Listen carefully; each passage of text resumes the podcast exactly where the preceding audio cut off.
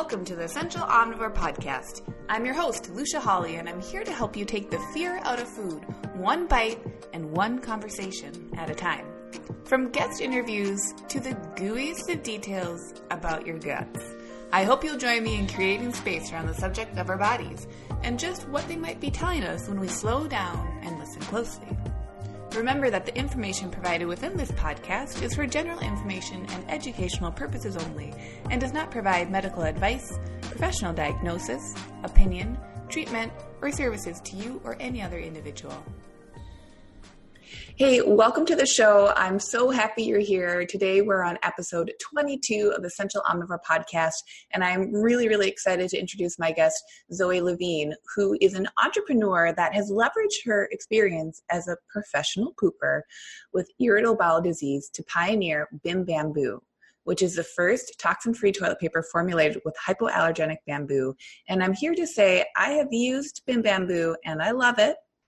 Zoe and I are talking all things stress, butt explosions, and how food is a first step, but might not be that last step on our own personal wellness journeys. I'm really, really happy. I'm so happy to have every guest on this show. And it's really special to me that Zoe is on with me today. Uh, Zoe and I actually met back in high school. So we've known each other for a long time.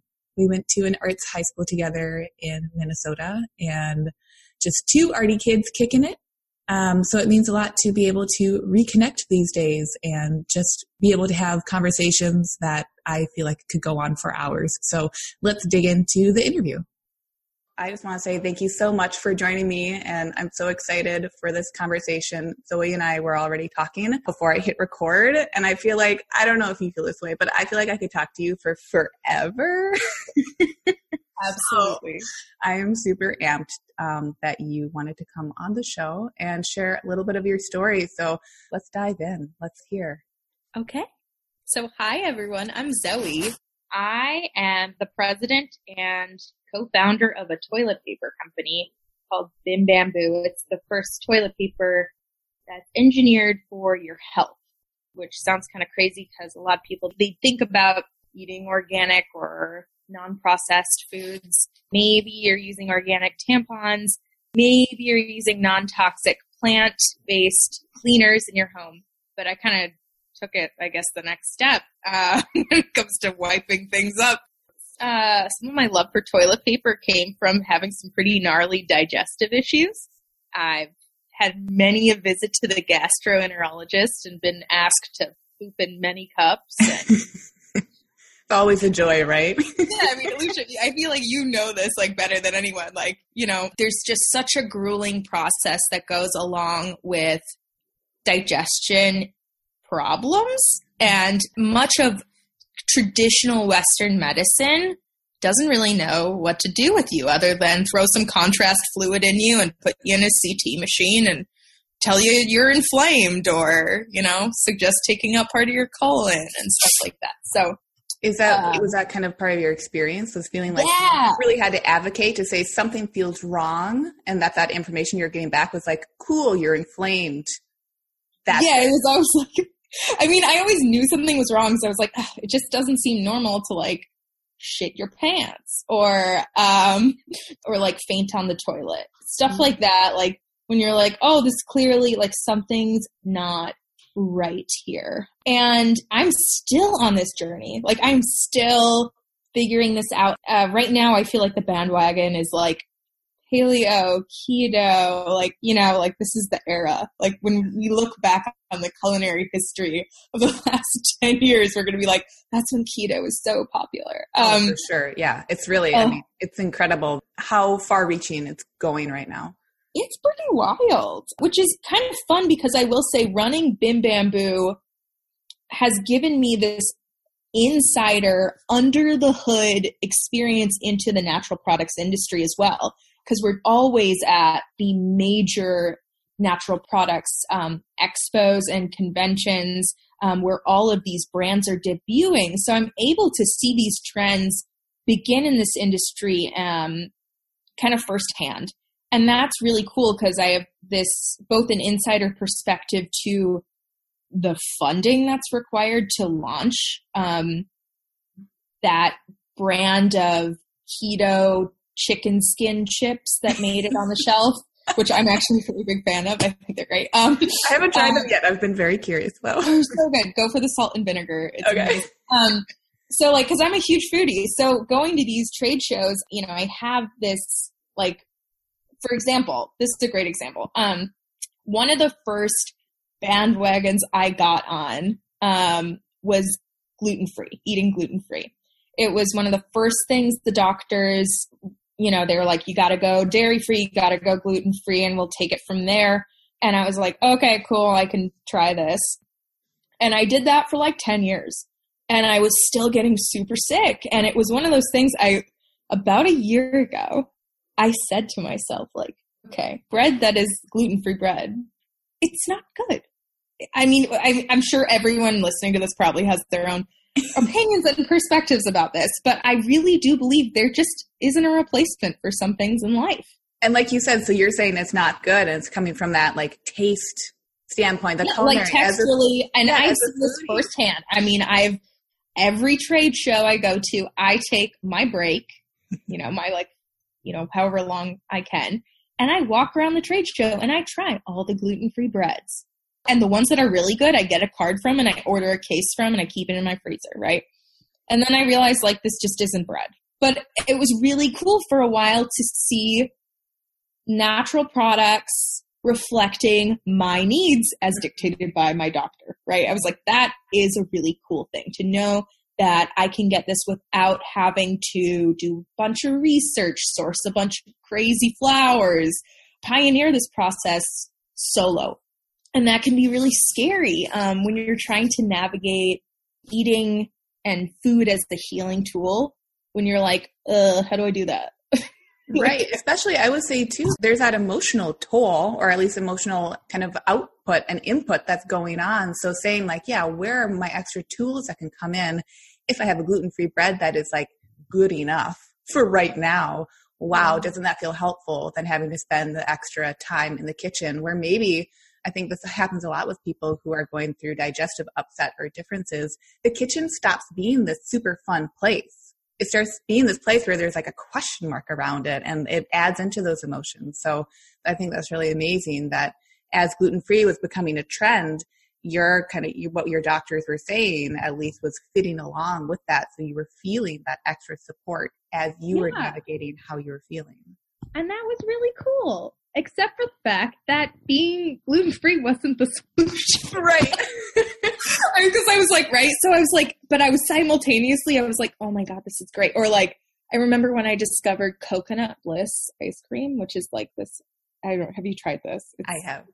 Okay. It is divine. I mean, it's like pure coconut fat churned, like with like cinnamon and vanilla, and it's like frozen. So it's an ice cream that you can get. And I remember just, just like being like, this is heaven. Like I can walk into the grocery store and purchase items that fit my needs. And I grew up in a household that was on a four day rotation diet growing up, which sucked. I'll mm-hmm. tell you mm. that. Um, to grow up in like the Midwest and like, like around all these kids who like had jello and all this fun stuff. And I was like, we're having spelt bread you know, like my mom would invent these bizarre foods like we would eat baby dill pickles cut in half with shredded sardines on top and she called them submarines.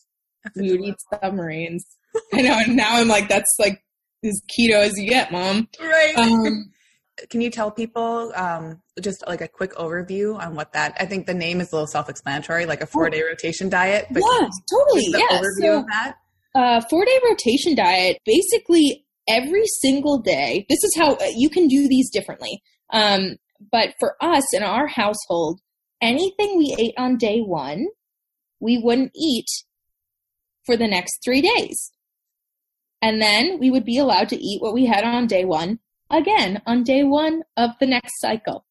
So we basically picked food groups to eat from every single day and they never repeated for the next three days, which seems kind of like, well, I, that's not that crazy. But if you really start to like look at your diet, it can be really challenging to do that. If you're like, okay, day one is going to be my you know, we didn't we didn't do wheat, but we did spelt. Um, it's like a more ancient form of wheat. It's supposed to be more digestible. Who knows? Yeah. Um, I think that's very much based on your body. But um, you know, we had a spelt day, we had a corn day, we had, I think, like an oats day, and then a rice day or something. And so we would basically it primarily applied to like major allergens for us and so we didn't my brother he's on the autism spectrum and he had the worst allergies growing up and we went to the mayo and they basically said to my mom your son is allergic to everything but dog saliva good luck wow yeah that's a, a, little bit less supportive than what you would yeah Totally. And so she like delved into these very special diets and she was totally ahead of her time. Mm-hmm. Um, and looking back on that, I think it really gave me a different perspective about the way nutrition can kind of like support you. Cause like if Max, my bro, had, for example, like red food coloring, like it was like all hell broke loose. Like this kid, like scary stuff would wow. go down. Like yeah. chasing nannies with butcher knives, scary. Yeah. You know, and it, a lot of it was um, we noticed a huge difference in his both his abilities and his energy, um, and his ability to kind of like communicate um, through food. And for me, I was like, okay, this I understand we have to do this, but it also prepared me later in life to kind of look at like starting with that four day rotation diet, it set the stage for like, oh, like I'm experiencing blank. I wonder what this has to do with my diet. Right, right. And seeing, like you said, with his experiences, really seeing a very profound difference from something that so many people, I think, potentially still could be scoffing at looking at preservatives, food dyes, and really? things that are quote unquote small additions in our food, just how impactful they can really be on an individual basis. Yeah, and that's the one thing I will say like when you look at the food industry now, you know, you may feel supported in the sense that you can walk into the grocery store and find foods that fit these labels that you've given your diet, but at the same time like there's a lot of power in knowing you prepared your food. You know what was in your food, or you purchased the goods or the ingredients that you're going to prepare your meal with. Um, and I've definitely felt this.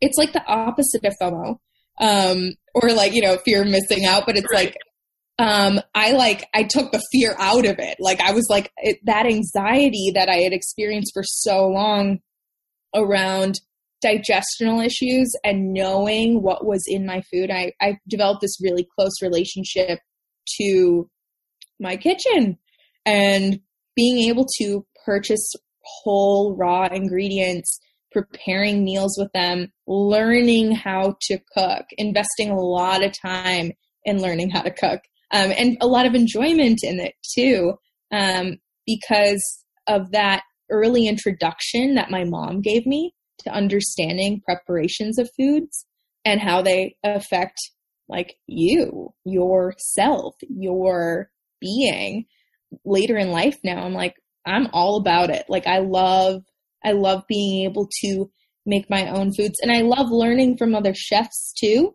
Mm-hmm. Um, but there just isn't a ton in my diet that's like processed foods or if they are like it's it tends to be really nostalgic like like deep rooted. totally, yeah. Um, and I think that's really interesting too to like kind of look at like, oh, what remains? What what remains as a processed food in my life that I'm like, this is great. But through my journey, right? Because I, I kind of mentioned this, gluten free was the first, and dairy free was the first recommendation the doctors had made. Um, and I will say, like, this was like a holistic doctor I had seen. They took a pint of blood, they did a bunch of testing, and they were like, oh, cut these out, take these antibiotics. And I was like, oh, this is really crazy. And I remember thinking at the time, it was my first year of college, and I was like, this is just not, I don't even have a kitchen. I'm living in dorms with a group microwave. I don't have Yep. You know, like I was like, how is this going to work? Right. And I was vegetarian at the time too, and I was like, I am vegan now. Right. You take out that dairy. That's and, that main source. Whew. Yeah. Holy cow! You know, like you kind of go through this. Um, it was like a little bit like a shock. Like, like I was like, whoa. How do you? As, how do I do this? Well, and as well as it's a shock and you're also in a time of life that is very different too when you're brand new in college. You have a whole, like you're saying, uh, going from a kitchen, maybe a family kitchen, to a shared microwave, maybe washing your dishes in the bathroom sink. I don't know about your uh, dorm experience, but my bathroom sink was real creepy. I wouldn't want to wash a dish in there. so having to oh, navigate this change on top of all the other changes too that were going on. Yeah, and that's something like I just I never had a practitioner or a coach or a doctor that took a moment to be like, you're in college, right? Like you're living in a dorm. Okay. So like we're going to try to problem solve this, you know, like, um, and, but I have heard plenty of stories of people who got through, you know, doing smoothies and shakes and stuff, you know, but I'm so, I love food. I couldn't, I could never sustain myself on that. So, um, I basically like failed my way through that. I mean, I did it, but I started eating meat again. Um, that was the first change I made. And, um, through that, like, it basically took me another, you know, 10 years on that sort of diet, figuring out that gluten wasn't actually the primary trigger for, um, my explosive diarrhea. So lightly, you can. On? Hey, we talk. I I always keep. I don't even think talking about poop is really that explicit, but I got. I keep. I choose explicit labels for my podcast because I want people. You can swear. You can talk about explosive diarrhea. Yeah. You can talk about pee, poop, pus, all, oh. all of it. We talk about. TikTok it. is my business, though. So totally. like, yeah. I mean, it truly was like. It got to the point. I remember like, I had four or five meals back to back. Back to this idea of the rotation diet, really. Um, looking at what you're what you're like eating on a consistent basis. Um, I was able to identify that over the past four or five days, I'd had incredible um, pain associated with bowel movements and flare up modes. And I was at the point where I looked at my diet and I was like, I just had tomatoes, eggplant, peppers consistently in the last four days back to back as my primary form of nutrients. And it suddenly hit me. I was like, I think this is a problem. Like, I haven't had any, because I had come right out of a flare up mode. And sometimes when I go into flare up modes, I'll describe a flare up mode for you yeah. first. Um, so for me, a flare up mode includes um, liquid poop like five to 20 times a day and you're totally exhausted.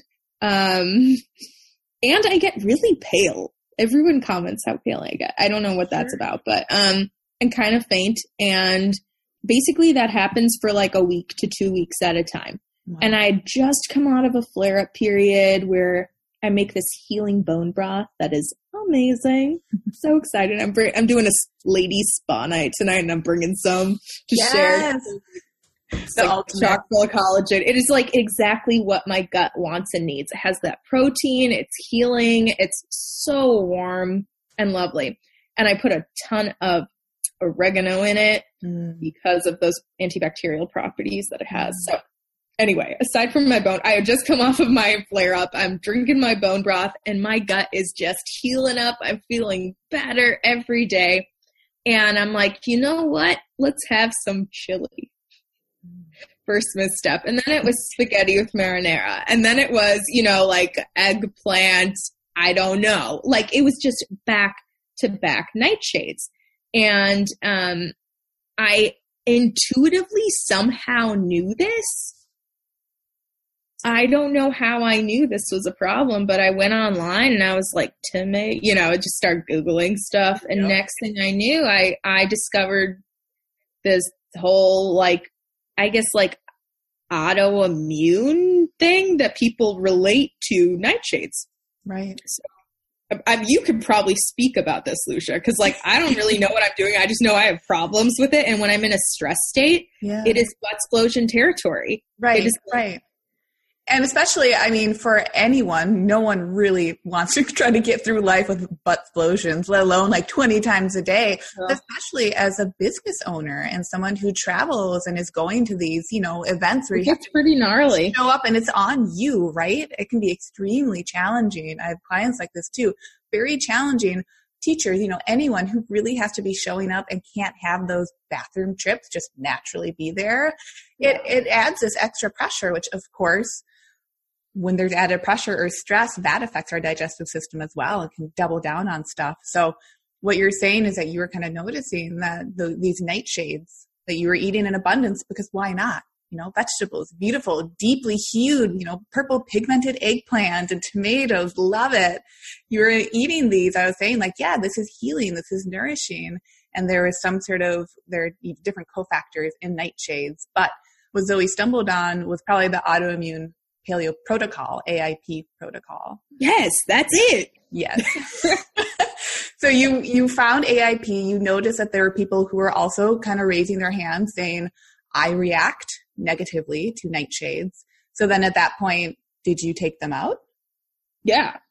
I took them out hardcore. I started making my marinara sauce with like blended carrots. I mean, I went all the way.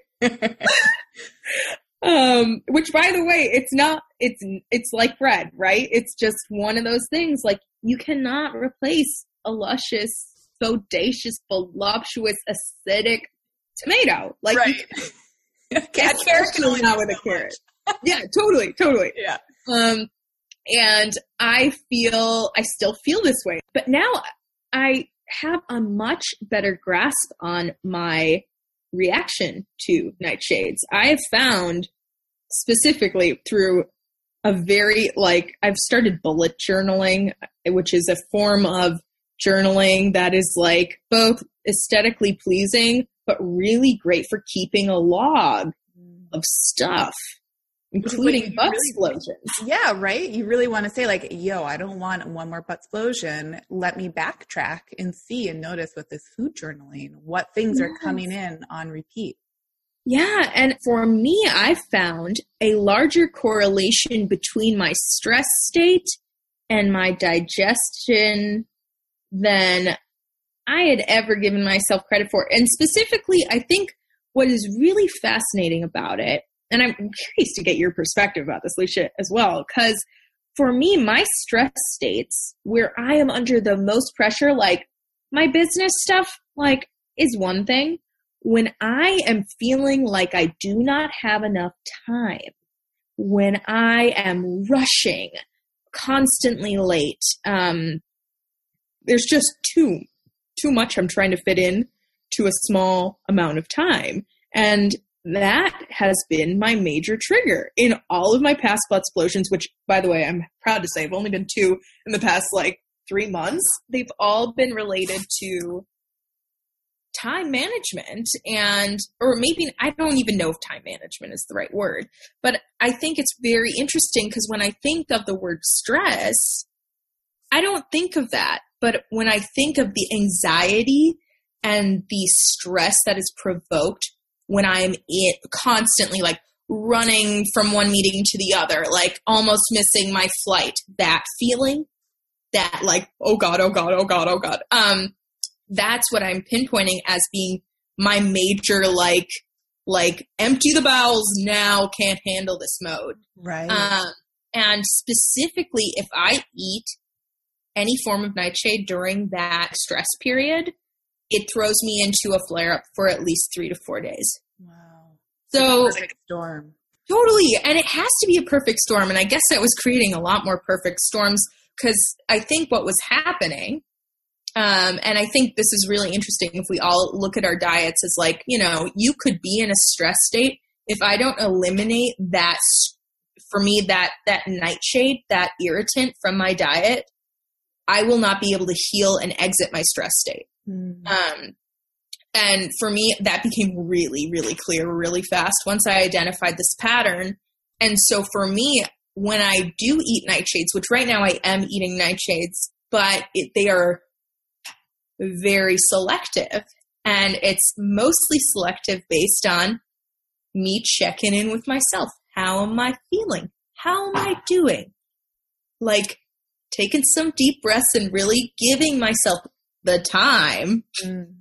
to identify that. Because if I ingest, I know if I ingest nightshades or there are some other foods that also feel this way. Alcohol definitely being one of them. If I ingest alcohol when I am in a high stress state, um, it's as if my digestion, like, it will almost hold the alcohol until I don't know, an hour in, and then the, my belly opens up, and it's like you just let three drinks right into your small intestine. Go, baby, go. I mean, uh, yeah. So I think that's, and I more the more I read your about your your perspectives on digestion and and learn about these stress states and how they affect how bodies work like they play a major role.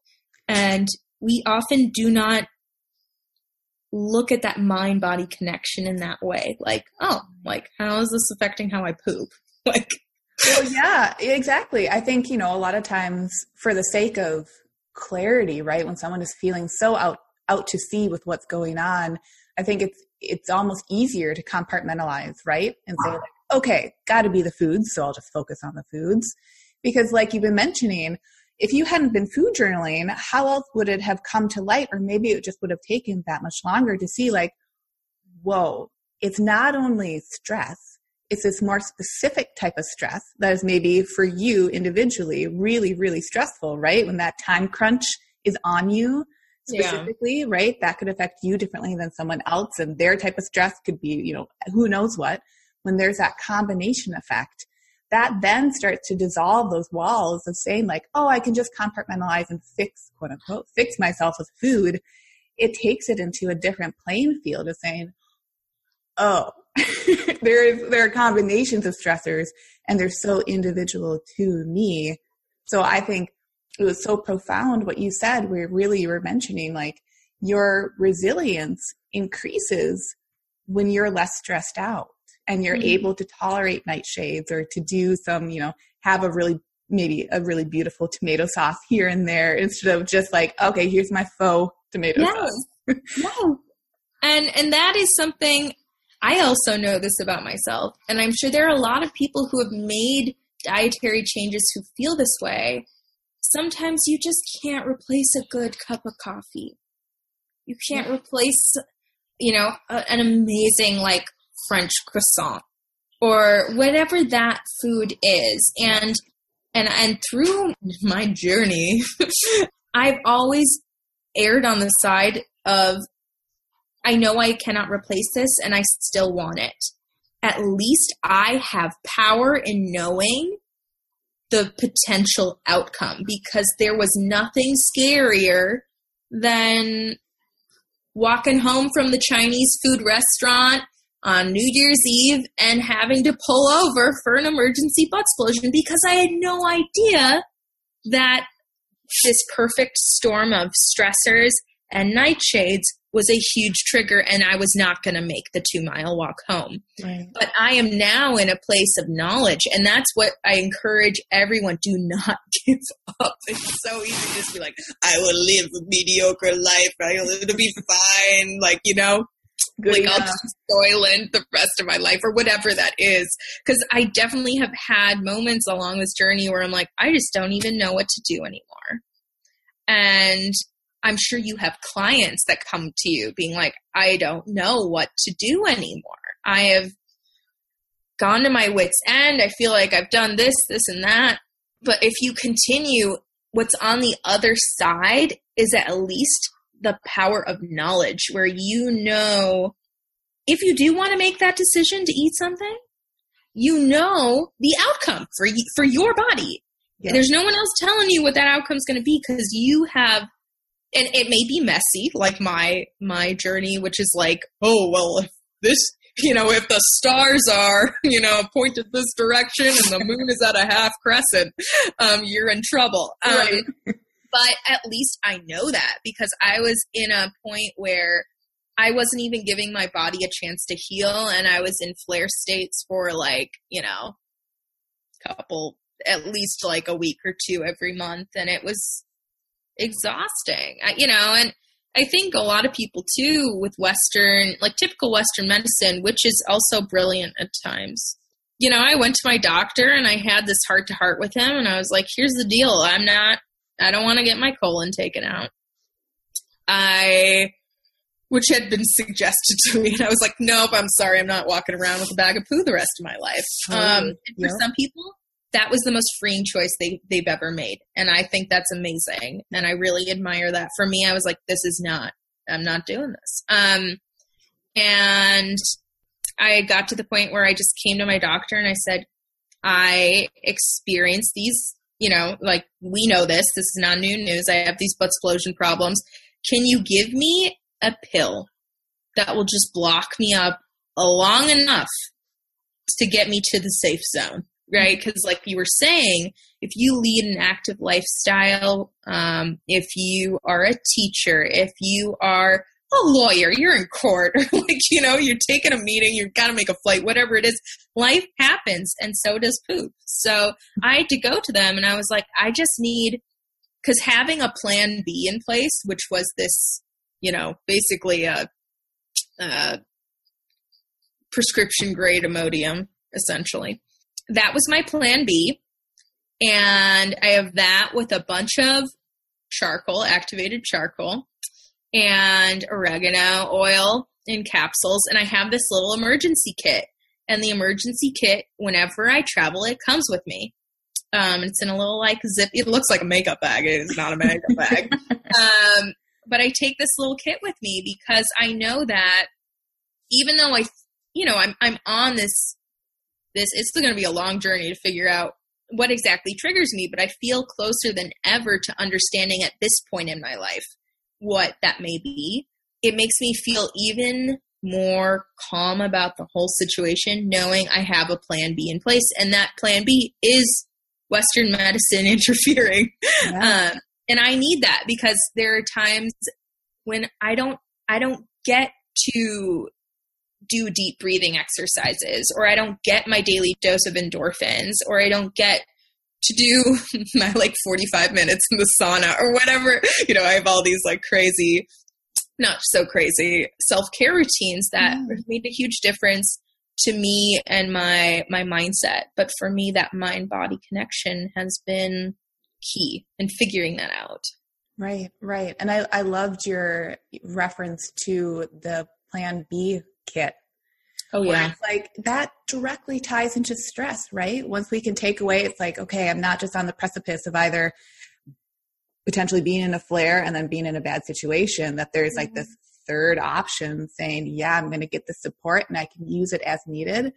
I think a lot of times the stuff, you like you were saying, it comes back to do my choices. Maybe I didn't even know for the longest time that I was making all these choices. But now that I have this new information, now my choices have shifted from just being choices to being informed choices. So like yeah. consenting to different eating different foods and maybe not knowing how they're making someone feel to saying, oh, now I have informed consent. So I could totally eat that croissant in Paris, in France, and like love on it and know that it might be causing a reaction or know that because I'm so relaxed because I happen to be in Paris, France eating a croissant, that maybe it's going to be just fine. And either way, I have my backup plan B kit just in case.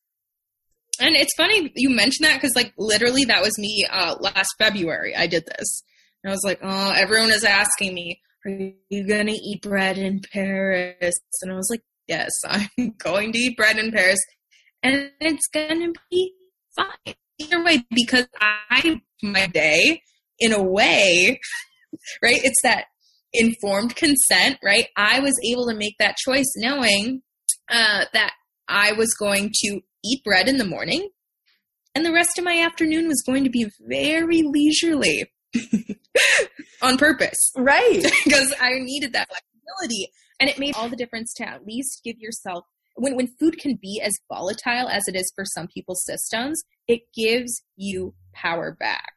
um, to say, you know, and the pain is one thing, but like it's it's more painful to have an experience or you taken away from you or an opportunity taken away from you. And when you can live your life and navigate in a way that gives that back to you, you're like, okay, I'm in the driver's seat again. It's not my colon, God damn it, it's me. Right. Right. I'm one integrated person and I'm yes. I am at the forefront. So my colon like might be trying to do its own thing. Well, I keep on using quotes. It's doing its own thing, but it's doing its thing in the system of me. So I actually have this relationship with it and I can honor it and it'll reciprocate and honor me back. Mm-hmm. Mm-hmm. I love the I love the example of the croissant in France when you said that earlier because that is I'm gluten free for I, I think most people who are listening probably know that. And for me if I eat gluten chronically that's where I get a problem. So it's for me it feels like a no brainer but if I accidentally have a crumb here and there it's not so severe. I can manage that. But people will ask like oh my god isn't that so depressing? You like never you're never going to have gluten again. And I was like when I go to France, I'm going to have a croissant. Don't worry about it, right? It's really saying, like, where am I consenting to have this flexibility? It's creating flexibility and it's creating and that individualized flexibility. Totally. And I think that question that people ask you, we need to remove this from society. It is so closed minded to think that I, I just I hate this question, right? Because it's like, oh, but how awful is it that you never get to eat bread again? Oh, so you'll never eat cheese or ice cream again either, and all this stuff. And I'm like, okay, do you know what brought me to this place where I made this choice? It, you know, a lot of people, right? I think we can all agree these foods taste great. Yeah, right. yes, that is yeah, not the yeah. It's like, cool. Um, but what brought me here I'm really proud of. I am glad to honor it.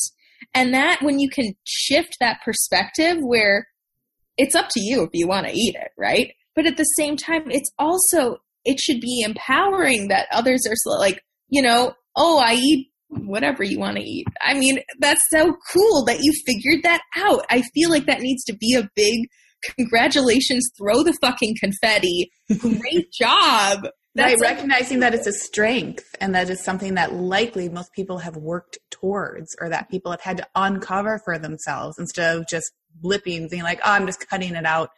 And I, I will also say that I think a lot of people, as cliche as it might be, it's when someone's saying that to another person, a lot of times it's that projection. Yes. Right? Because all of a sudden they see someone making a choice that makes them uncomfortable for just as much as they don't know why that person's making that choice. We have no idea, right? Why that choice is suddenly making them so uncomfortable and why they're feeling like they have to project and like neutral or not neutralize, but like somehow bring the situation to a, like a normalized state by saying like, oh, aren't you so sad? Oftentimes that's them projecting and that doesn't have to be a bad thing, but it's, it can be tough to be managing their or noticing their own emotional stuff going on mm-hmm. while really staying steady and saying, no, no, I'm not eating the dairy today. Not because dairy is bad, not because I don't love it, not because it's not delicious, but I know if I eat this X, Y, or Z, this outcome is probably going to happen. And I'm choosing not to have that outcome, or I'm choosing to have a different outcome. Exactly. It's yeah. funny. I was listening to Dan Savage this morning, the Savage Lovecast classic, and this woman called in. She goes, you know, everyone always asks me why I got divorced. And I just don't, I don't want to have that conversation. And Dan responded really smart, smartly. He says the same thing kind of you were saying about projecting. Same thing goes for food, right? Same thing goes for asking why you got divorced. They're checking in they're saying, Oh, did something go wrong that is going wrong in my relationship? And this could go this could be the same your relationship with bread, your relationship with dairy, your relationship with nightshades, your relationship with all major allergens, right? And that's exactly what that conversation that person is having. They're having a conversation with themselves. You're just the vehicle to help them get there. Right. Um, and that's exactly it. Um, and I will say, after a while, it gets real it gets real tiring having that conversation as well. It's just like I felt like this this lady who called into Savage Love. I was like, oh, I feel you. I feel you so hard on so many levels because it's and it's easy to catch myself doing this with others too. Because along my journey, one of the things I I did was I was asking people, you know, um, why why don't you drink coffee anymore? Or um, you know, and I would I would ask people about their journeys with food and what choices they were making and why. And it was as a, it was an opportunity for me to learn about mine, but it never came from a, you know, I always try to phrase those things in a way that's like, oh, like, tell me how that's benefiting you right now. Right. From, or, curio- from curiosity instead yeah. of judgment or fear yes. or scarcity. Yeah. And it's really, I think it's important as, you know, we continue to meet people on their own adventures with food. like, try to take that judgment out because it it is not helpful and it's not kind. And a lot of times, what drove people to make those decisions is very, you know, it's kind of personal to be like, oh, my body's not working. yeah.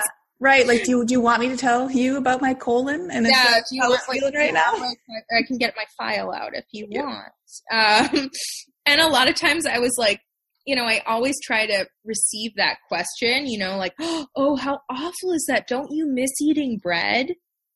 With an answer like, this is so snarky, but it's so true. I'll be like, man, I don't miss it as much as like being stuck on the toilet for like hours and hours and hours. You know, like it, it, it really, it just pales in comparison to the kind of pain or uh, you know and i would always respond with something awful like that where i'm like um, because people need to be woken up about that that you know a lot of food choices that people make they're they're not like i guess this idea of dieting you know it's like oh i don't eat gluten so i can like watch my weight or whatever that is i'm like that's your own personal decision. I don't really care if it's like a dietary restriction or your doctor said to do it or whatever, if you're making that choice to feel better, you should deserve it just as much as anyone else. Right.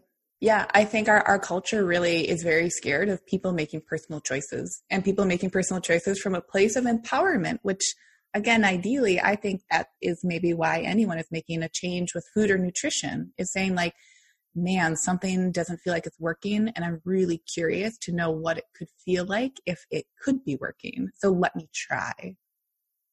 So I have a few questions that I ask people, and this always makes me feel like James Lipton. And I know I shouldn't say that in every episode, but every time I'm like, all right, inside the actor studio.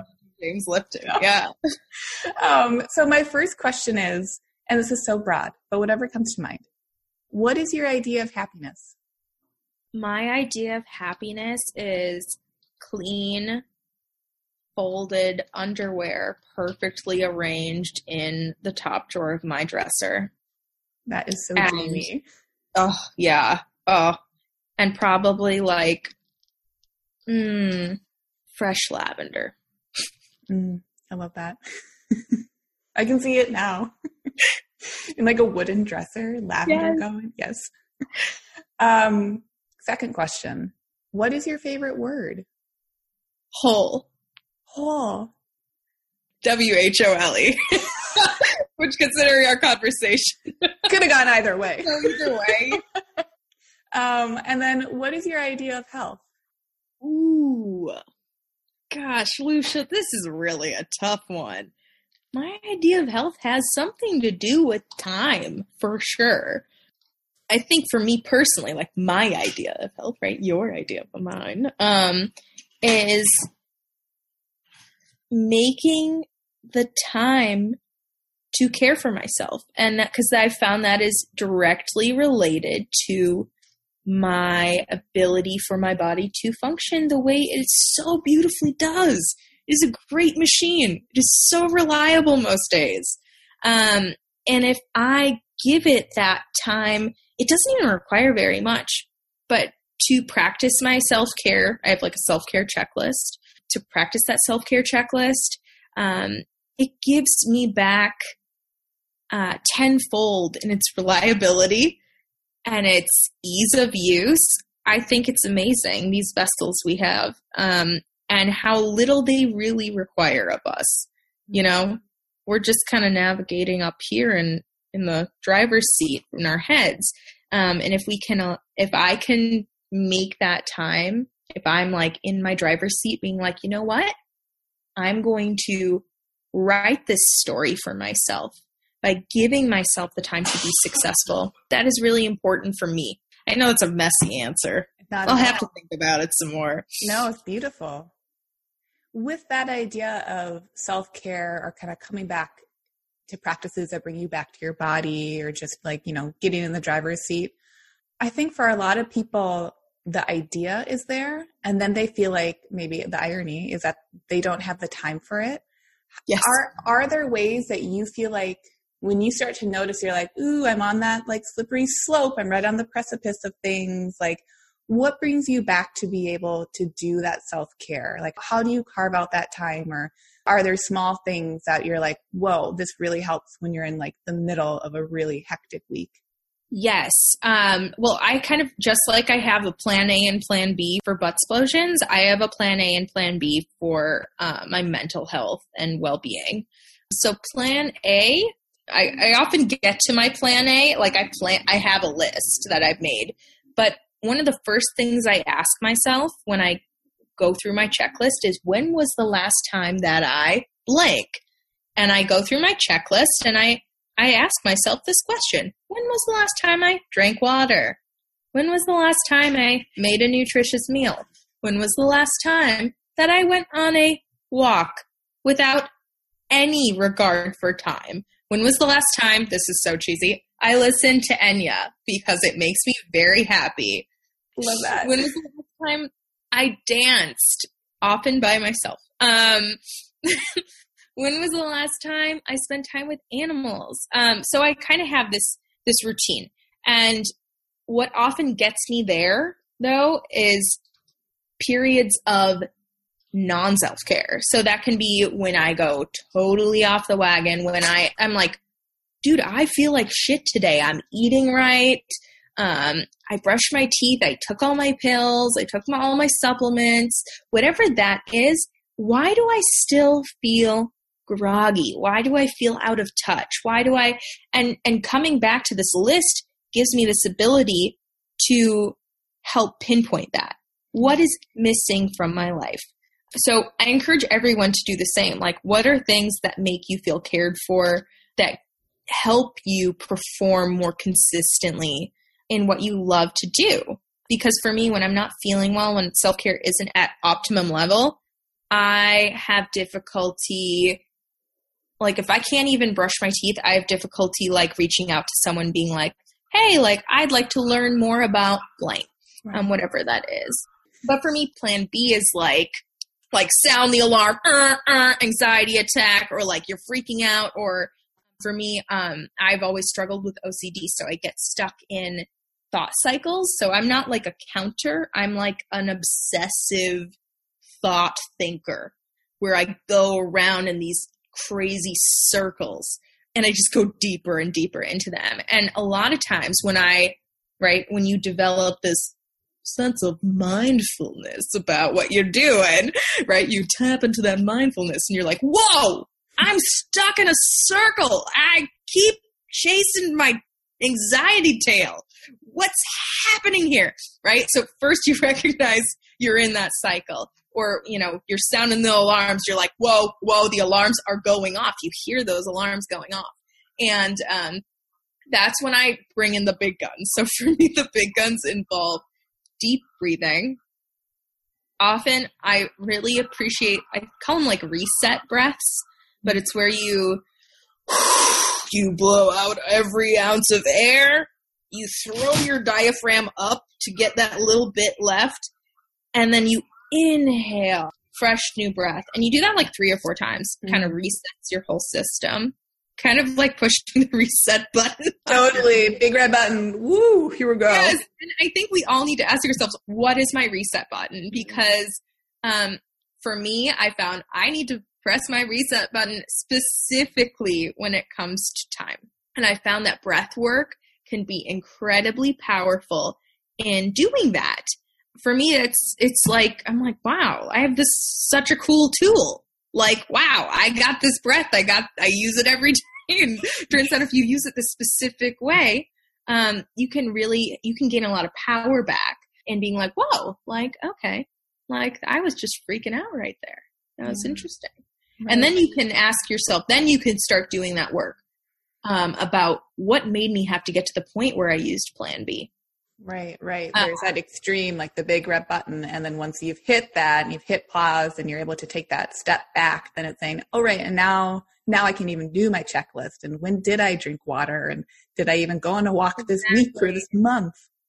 And they, they go hand in hand because a lot of times what got you to that scenario was was your plan A wasn't going so well. Um, and uh, for me, I need to actually, this is a good reminder because I need to change my self care checklist and update it. And I constantly update it because I'm always thinking of like, oh, you know, I love spending time right with puppies. They make me happy. So I should put that on my self care checklist. Yeah. But um, I need to put time manage, you know, like this t- relationship with time is so fascinating to me. And I really do feel that um, managing my time is going to be crucial in my next stage of health. And that also goes into food and food preparation. Like, like I'm hosting a dinner party tomorrow. Um, we're all cooking out of Lynne Rossetto Kasper's The Splendid Table. I know it's going to be amazing. It is uh, food from Emilia, Emilia Romagna, which is northern Italy. It's gonna be yeah, it's so good. I'm making a crazy pork dish.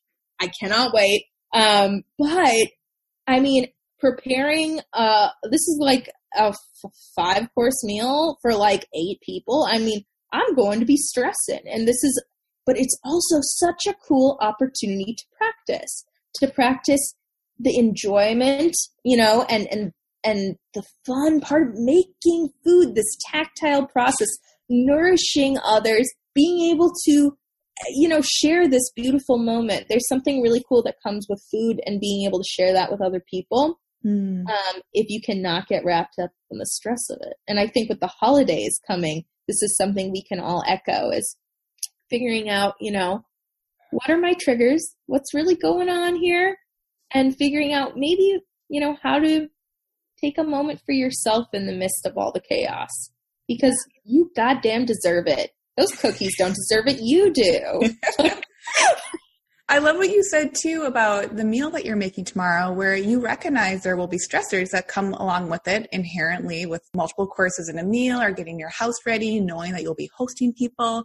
But that is really like a, a beautiful time investment where it's a stress that you're choosing because you know that what's coming out of that investment is going to be like multifold, right? There are going to be so many like connections and nourishing the people that you love or maybe making new friends or just hosting people.